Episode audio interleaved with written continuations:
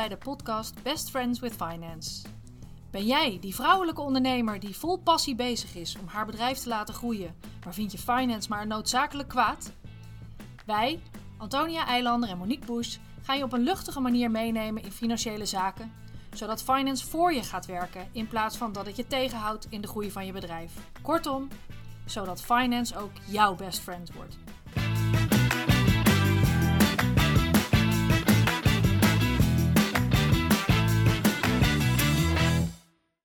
Welkom bij een nieuwe aflevering van onze podcast Best Friends with Finance. Monique en ik zitten weer naast elkaar en we hebben ook voor vandaag weer een superleuk onderwerp voor jullie. Ja, vinden wij in elk geval, Ja, hè? want ja. wij, wij zijn natuurlijk die Best Friends with Finance, dat zijn wij al. En we doen Maar- alleen maar leuke onderwerpen, onderwerpen die we zelf leuk vinden. Precies. Ja, maar het is wel ook echt nog steeds onze intentie en ons grootste doel om te zorgen dat jullie ook gewoon wat meer friends with finance worden. En in ieder geval, ook als je er nooit echt gewoon dikke vriendjes mee wordt, Ja. dat je toch gewoon het gevoel hebt dat je er niet alleen in staat en dat we het, eh, dat we het met z'n allen doen. Ja. Want ja, finance kan best wel heel eh, veel angst aanjagen bij Ja. sommige mensen. En ja, wat wij echt willen proberen met deze podcast te bereiken, is te zorgen dat nou ja, jullie in elk geval het gevoel hebben dat wij in je corner staan Ja. om je te supporten als je dat eh, zo nodig hebt. Wat, waar ik ook alleen maar even mee wil zeggen, dat als je nou een keer een issue hebt zelf, of je zit in een situatie waarvan je denkt, nou, hoe ben ik hier nou in verzeild geraakt, of ik heb hier een vraag over, doe het gerust via een van onze LinkedIn-posts, zet het Ja. eronder, stuur ons een DM'tje. We willen heel graag helpen. Even Ook- meedenken. Ja, even meedenken. Mag buiten de podcast, mag ook binnen de podcast. Ja. Het is maar net wat je wil. Hè. Soms, soms zit er ook wel een beetje een stukje schaamte op. Hm. Dat snap ik ook. Maar we willen echt gewoon eh, helpen. Superleuk. En dat zien we dan ook gewoon maar als eh, sisterhood. We zijn er ook gewoon voor elkaar, dus we doen het eh, samen uiteindelijk. Precies, Ja. net als wij. Ja. Altijd leuk. Ja. Monique, wat heb jij vandaag meegenomen? Ja, dat onderwerp voor vandaag was niet heel moeilijk. We gaan het vandaag hebben over risicomanagement. En ik denk dat dat wel een onderwerp is waarvan heel veel luisteraars nu denken: hè, wat? Nou, risicomanagement. Kranten staan natuurlijk vol met verhalen dat het aantal faillissementen flink begint te stijgen. De Belastingdienst is de achterstallige belasting vanuit de coronatijd aan het incasseren. Is, zit daar best strak in de wedstrijd, eh, moet ik zeggen. We, Ja, zien ook, gehoord, ja. ja, Ja. we zien ook voorbeelden van allerlei faillissementen in de krant. Het lijkt wel alsof het echt gewoon dramatisch gaat worden. Of het echt super slecht weer wordt. Daar ben ik op LinkedIn best wel heel actief over. Ik post regelmatig op LinkedIn. Ik ben eh, altijd wel bereid om te vertellen wat ik van een faillissement vind. En soms denk ik wel eens bij een faillissement, denk hè, eindelijk.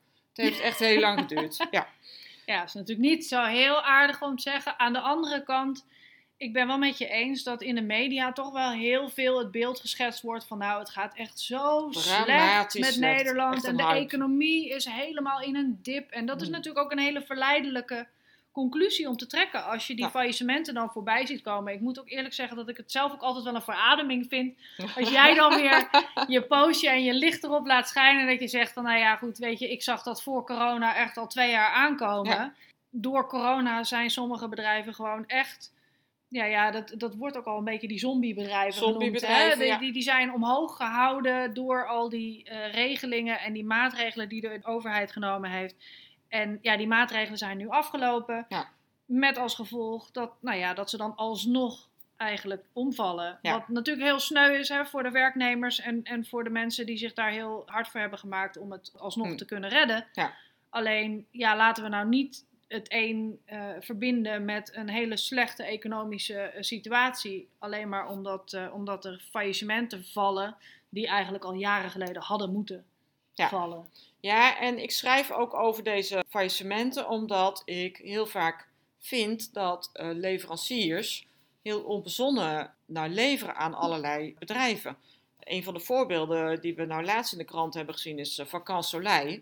Dat is heel recent failliet gegaan. Maar dat bedrijf, dat was gewoon al een jaar of vier verlieslatend. Dat was voor corona, was al enorm verlieslatend. En dan niet een beetje, maar echt enorm verlieslatend.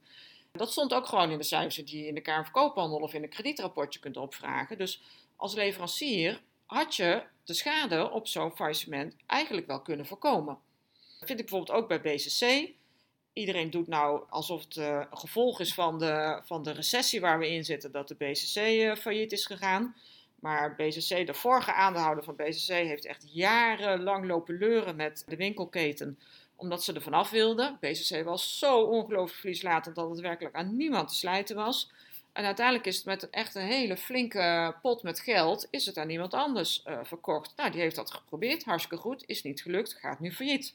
Maar laten we nou niet doen alsof dat echt een fantastisch bedrijf was en dat het nu door de recessie of door de hoge energieprijzen of door de hoge salarissen of de inflatie opeens uh, het niet meer, uh, niet meer redt. Dus, nee, want je hebt het daar wel eens vaker over hmm. gehad, in, in eerdere podcasts ook. En dan zeg je ook van ja, hè, als iets dan voor weinig overgenomen, hè, of je krijgt geld toe en ja. dan heb je nog die voorraad en die, die, die neem je dan allemaal voor een prikkie, neem je die over. Ja. Ook met doorstart zie je dat dan ook wel vaak gebeuren. Ja, die voorraad, daar kun je natuurlijk hele mooie winst op draaien, ja. hè, want dat kost dan niet zoveel. Maar ja, zo gauw die voorraad dan weg is en het gaat om ja, de nieuwe ronde die daarna komt, gewoon voor de volle map, ja, dan zie je toch dat de formule dus gewoon niet meer werkt. Nou ja, en zeker in de retail. Retailketens gaan gewoon failliet, omdat wij als consument daar onvoldoende kopen. Ja. We kunnen allemaal heel erg. Nou ja, het grote faillissement was uh, de VD. Ja. Nou, dat was echt kommer en kwel. Oh, dramatisch en oh, vreselijk. Ja, V&D ging gewoon failliet, omdat wij daar niks mee kochten. Nee, wij gingen allemaal naar bol.com en we gingen allemaal... Uh, ja, wat, waar koop je nog meer? Je ja. alles online tegenwoordig, ja. Dus dat is dan gewoon het gevolg van wat we zelf doen. Uh, Miss Etam ging failliet. Nou ja, de verhalen stonden overal op het internet dat het zo vreselijk jammer was dat Miss Etam failliet ging. Nou, dat was helemaal niet jammer, want we, we, kochten gewoon niet genoeg bij Miss Etam. En ik snap echt wel, voor de werknemers is dat natuurlijk echt afschuwelijk als je bij een bedrijf werkt uh, wat failliet uh, gaat. Ik heb zelf een tijdje bij de Free Record Shop gezeten. We kochten gewoon geen cd's meer. Ja, dan kun je een winkeltje hebben met cd's erin, maar ja, dan, die werden eigenlijk alleen maar rond de feestdagen verkocht, omdat je dan echt fysiek iets wil geven. En verder heeft gewoon iedereen een Spotify-abonnement. Dus ja gaat dan toch een beetje over.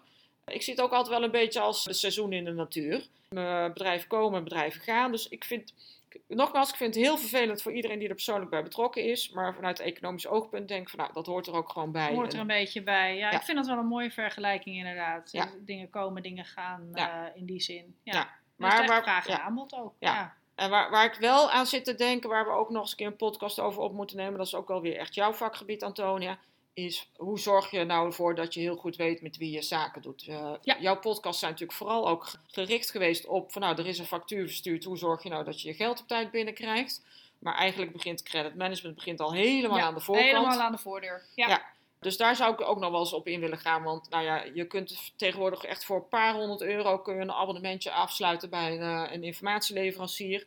En dan weet jij dus op het moment dat vakantielei iets bij jou bestelt, dat vakantielei zwaar verlieslatend is. En dan weet je dus ook dat je niet op rekening moet leveren, dat je gewoon een vooruitbetaling ja. uh, moet vragen. Ja, en dat weet je dan al voordat je dat doet. Ja. En dat is daar precies het punt hier. Ja. En dat is weer meteen weer een mooi bruggetje terug naar jou. Ja. Risicomanagement, want dat is natuurlijk onderdeel van risicomanagement. Ja, dat klopt. Risicomanagement, ondernemen is natuurlijk risico's uh, nemen. Zonder uh, risico's geen rendement. Dat weten we allemaal. Aan, maar aan de andere kant, je hoeft natuurlijk geen onnodige risico's eh, te nemen. Dat bedoelde ik net met die voorbeelden van die faillissementen. Ik vind dat onnodige risico's. Die had je gewoon kunnen voorkomen. Laten we nou eens even vanuit financieel oogpunt nadenken wat voor risico's je kunt lopen. Je hebt natuurlijk een liquiditeitsrisico. Dat is, eh, daar hebben we het al wel heel vaak over gehad. Dat je gewoon geen geld op je rekening hebt staan om je, aan je verplichtingen te voldoen. Nou, daar kun je heel veel stress van krijgen. En uiteindelijk kun je daar natuurlijk ook gewoon naar failliet gaan. Je kunt risico hebben in de markt. Denk dan aan wisselingen in rentetarieven, in uh, valutakoersen, grondstoffenprijzen.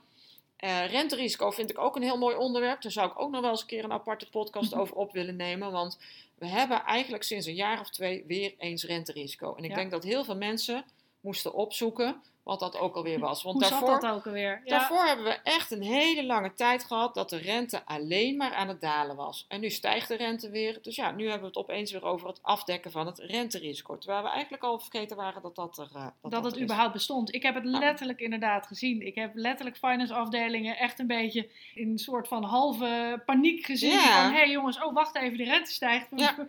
we moeten hier ineens rekening mee gaan houden. Net als dat ik weet niet of je daar ook nog over uh, komt, maar ja, valuta, ja. valutarisico, dat heb je natuurlijk soms, dat valt daar ook een beetje ja. in diezelfde categorie. Ja, dat, dat is ook heel lang niet in die zin geweest. Nee, nee en valutarisico kun je ook altijd wel een beetje negeren als je dat zou willen. Is natuurlijk niet verstandig, maar ik ben was bij een bedrijf geweest en die maakte producten die ze heel veel in Engeland verkochten. Dan vroeg ik ook altijd van, nou, wat doe je nou met het valutarisico? En dan zeiden ze van, nou ja, wij hebben geen valutarisico, want wij verkopen in euro's.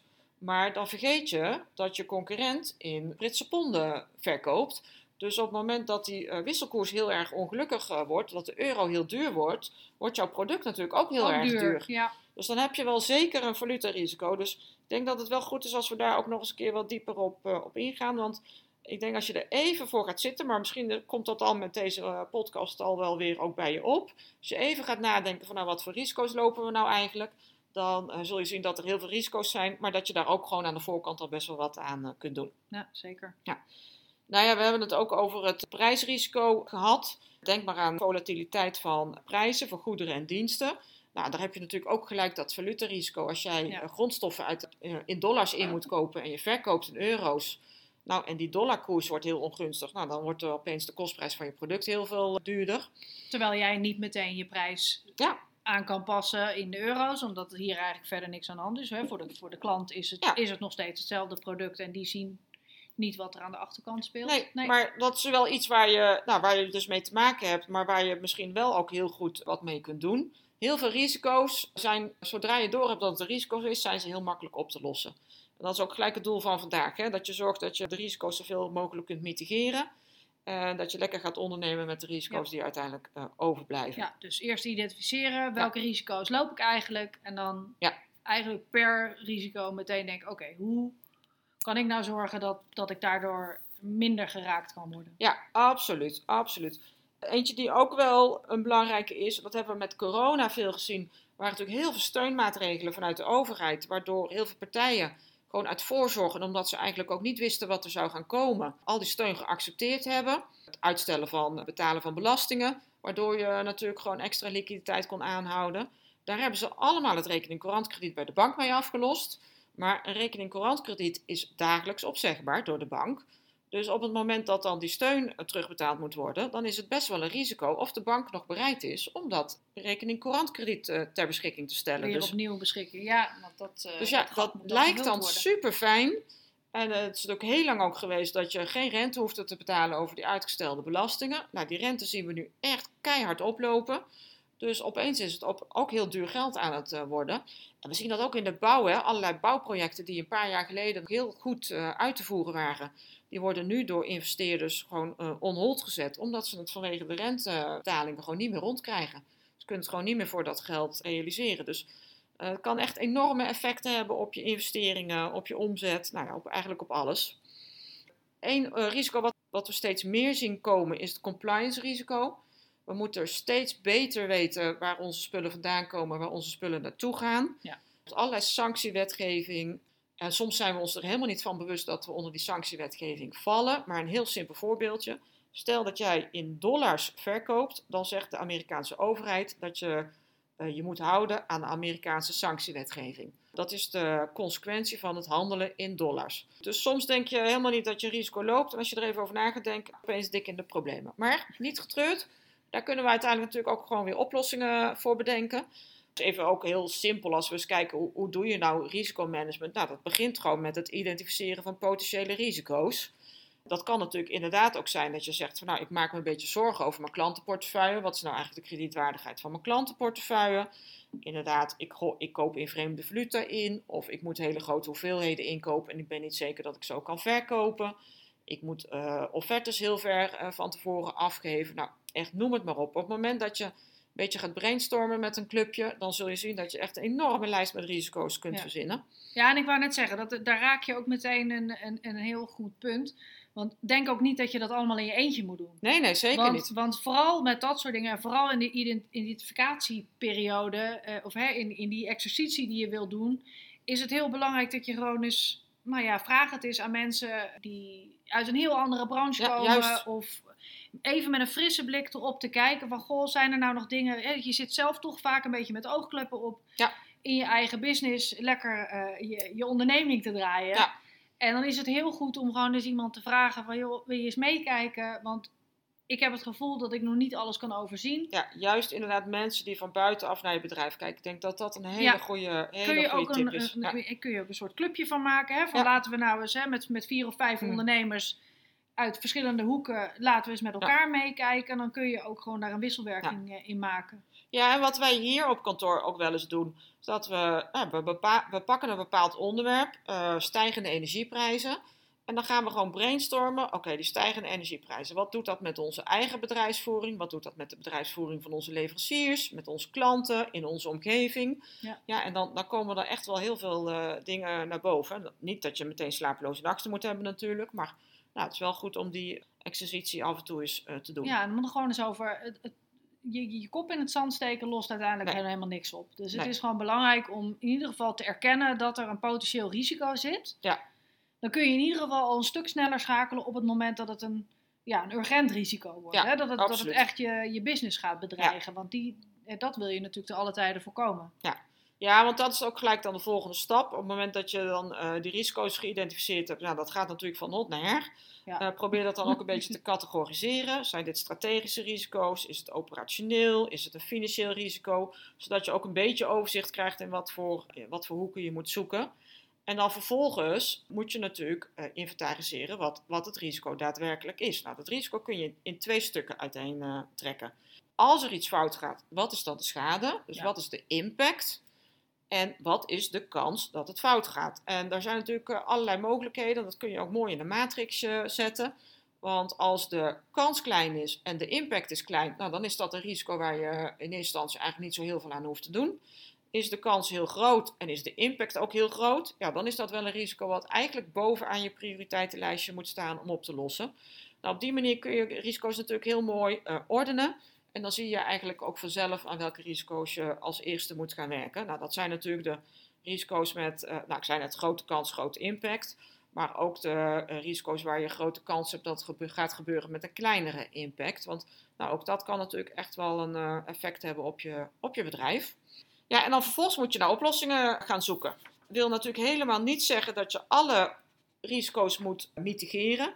En ik zeg dat altijd zelf, nou, je hebt echt niet overal een verzekering voor nodig. Maar het begint wel met het heel goed inschatten van nou, wat voor risico heb ik?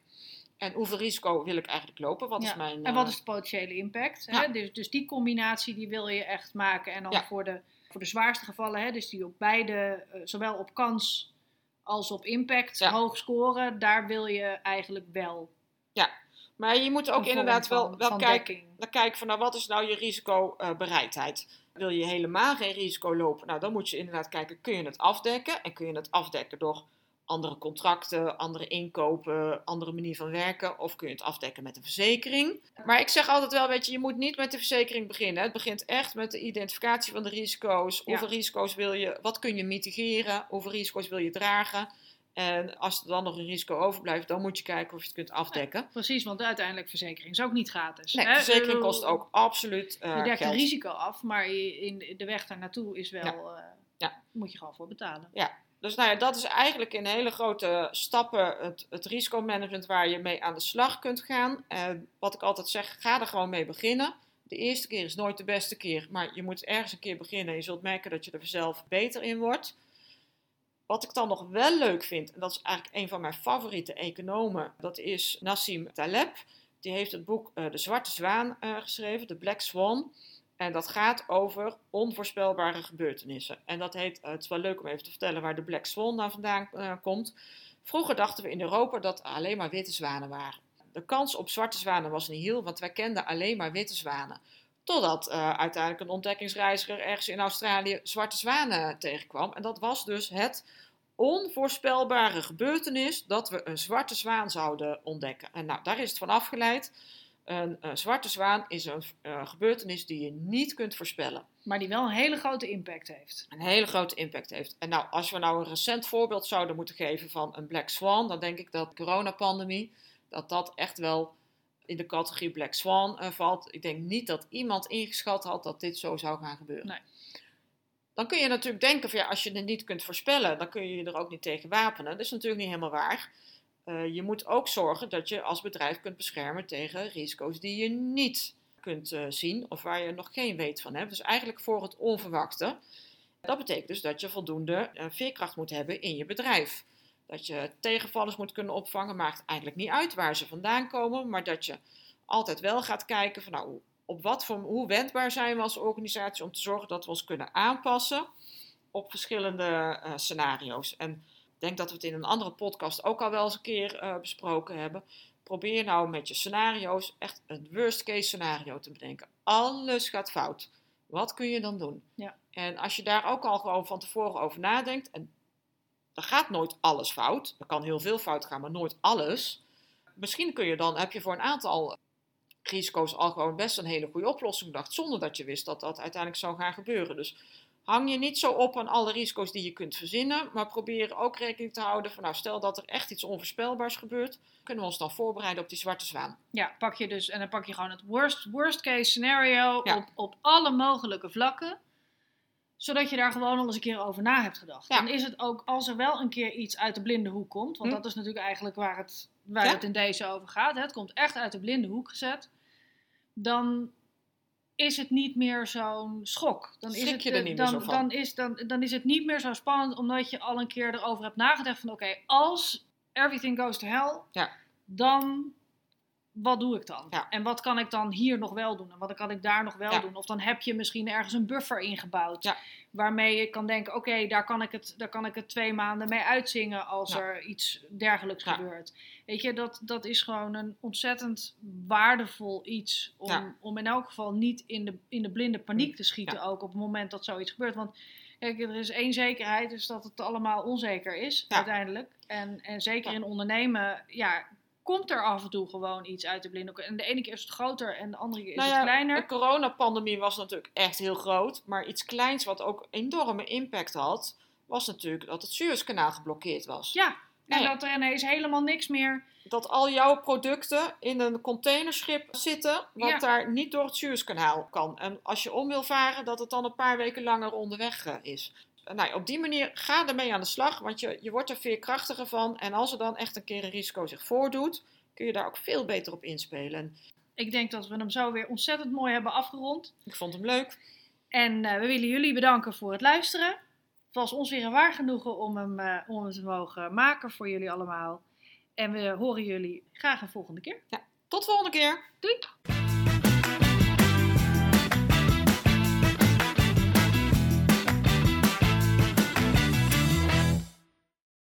Dankjewel voor het luisteren naar onze podcast. Dat vinden we superleuk. Als je onze podcast waardeert, zou je ons dan een review willen geven in de podcast-app. Dat kan door bijvoorbeeld 5 sterren te geven in Spotify. Daar zijn we blij mee en zo wordt onze podcast beter vindbaar voor andere vrouwen. En vind je het leuk om contact met ons op te nemen? Dat kan dan via LinkedIn. Tot de volgende keer.